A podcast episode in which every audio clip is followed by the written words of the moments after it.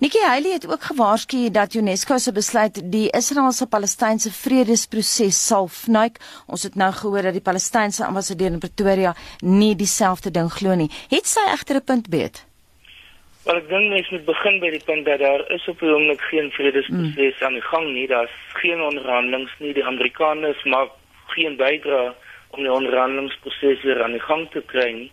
Ehm um, die verhouding tussen president Trump en en die eerste minister uh, Netanyahu is is so intiem um, dat daar nie werklik deur Amerika op 'n oomblik 'n rol gespeel word nie. So ek dink die die die om om dit ter sprake te bring as 'n argument teen te sê dat dit 'n vredesproses op hierdie oomblik uh, benadeel is eintlik 'n is is is 'n baie duidelike politieke argument wat nie op hierdie stadium enigstens relevant is nie. Dirk Israel glo die UNESCO besluit ontken die Jode se eie bande met Hebron waar Abraham onder andere begrawe is en die Israeliese sê ook dat UNESCO lief is om politieke standpunte te maak wat min met kultuur te doen het. Is dit regverdig? Ek dink die die die essensie van hierdie hele uh, kontroversie wat nou ontwikkel het is dat Israel probeer verhoed dat enige internasionale instansie en spesifiek die VN um, niks doen om enigstens erkenning te gee aan aan 'n moontlike Palestynse staat nie en die huidige Palestynse owerheid nie. Ehm um, en wat nou gebeur word gesien deur Israel in die eerste instansie as dat dit internasionale erkenning gee aan die Palestynse idee aan as, as aan die moontlike Palestynse staat. Dit ook uh, werk teen die die Israeliese strategie op hierdie stadium dat hulle probeer om die idee van dat daar wel al 'n de facto Palestynse staat bestaan um, om dit te probeer ondermyn. Hulle argument is is dat daar moet nog onderhandelinge van punt 0 begin uh, vir elke gebied uh, waarop die Palestynë aanspraak maak. Um, en deur hierdie besluit meen hulle dat die VN reeds aan die Palestynë erkenning gee.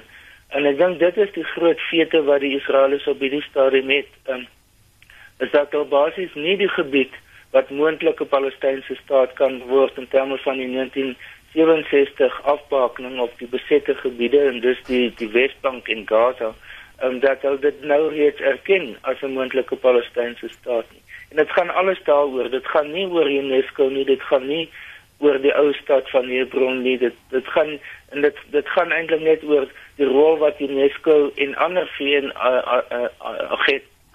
agentskappe al in die verlede gespeel het om aan waarnemersstatus of ander forme van erkenning aan die Palestynë te gee. Na 12 state op die UNESCO panele ten gunste van die besluit uh, gestem, 3 daarteen en 6 het buite stemming gebly. 'n Diplomatieke fase vir Israel en Amerika wat baie hard probeer het om die stemmery te beïnvloed.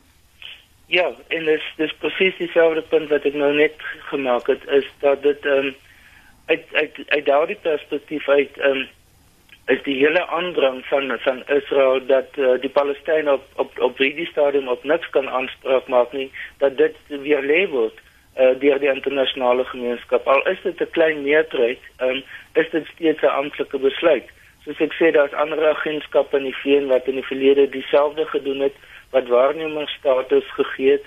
Die Palestynë het waarnemingsstatus in die algemene vergadering van die VN. Lande soos Suid-Afrika byvoorbeeld, um, Turkye en baie ander lande het reeds diploma diplomatieke status aan die Palestynë gegee. Um, en en dit is wat vir die Amerikaners en vir die Israeliese op hierdie stadium totaal onaanvaarbaar is.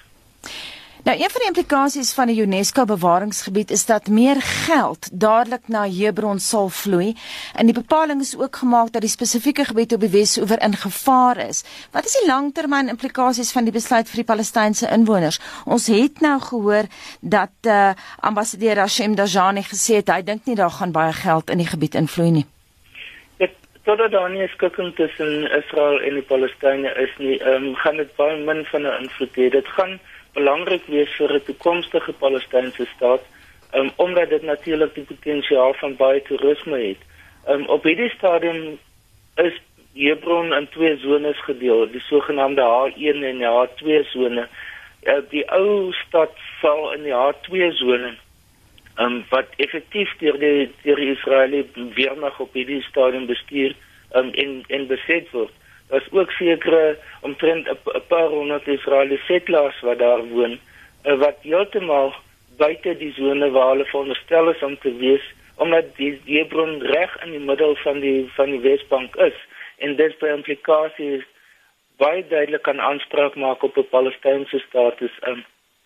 Dat dit die, die groot probleem is en totdat dit nie uit, uitgesorteer is nie um, gaan hierdie besluit belangrik wees vir die Palestynë vir die toekoms maar vir die onmiddellike as gevolg van hierdie beleerde situasie binne die stad um, gaan dit baie moeilik maak om toerisme uitmoontlik te maak. Mense kan amper sê beleer tydens die vergadering ook want voor die stemmery self het dit so rof gegaan dat Jamaica, Pole en Kroasie 'n geheime stemming wou hê en later het nog 'n Israeliese diplomaat die lesenaar van die voorsittende beampte dis nou 'n Poolse diplomaat bestorm.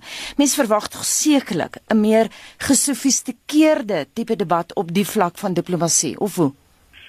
Wel, die politiek van die Midde-Ooste is baie dikwels hoogs emosioneel. Die politiek van van Israel en Palestina is self baie emosioneel. Ehm um, en die feit dat hierdie tipe van besluite nou geneem word wat baie duidelik vir die Israelies lyk asof hulle besig is om beheer te verloor oor die situasie.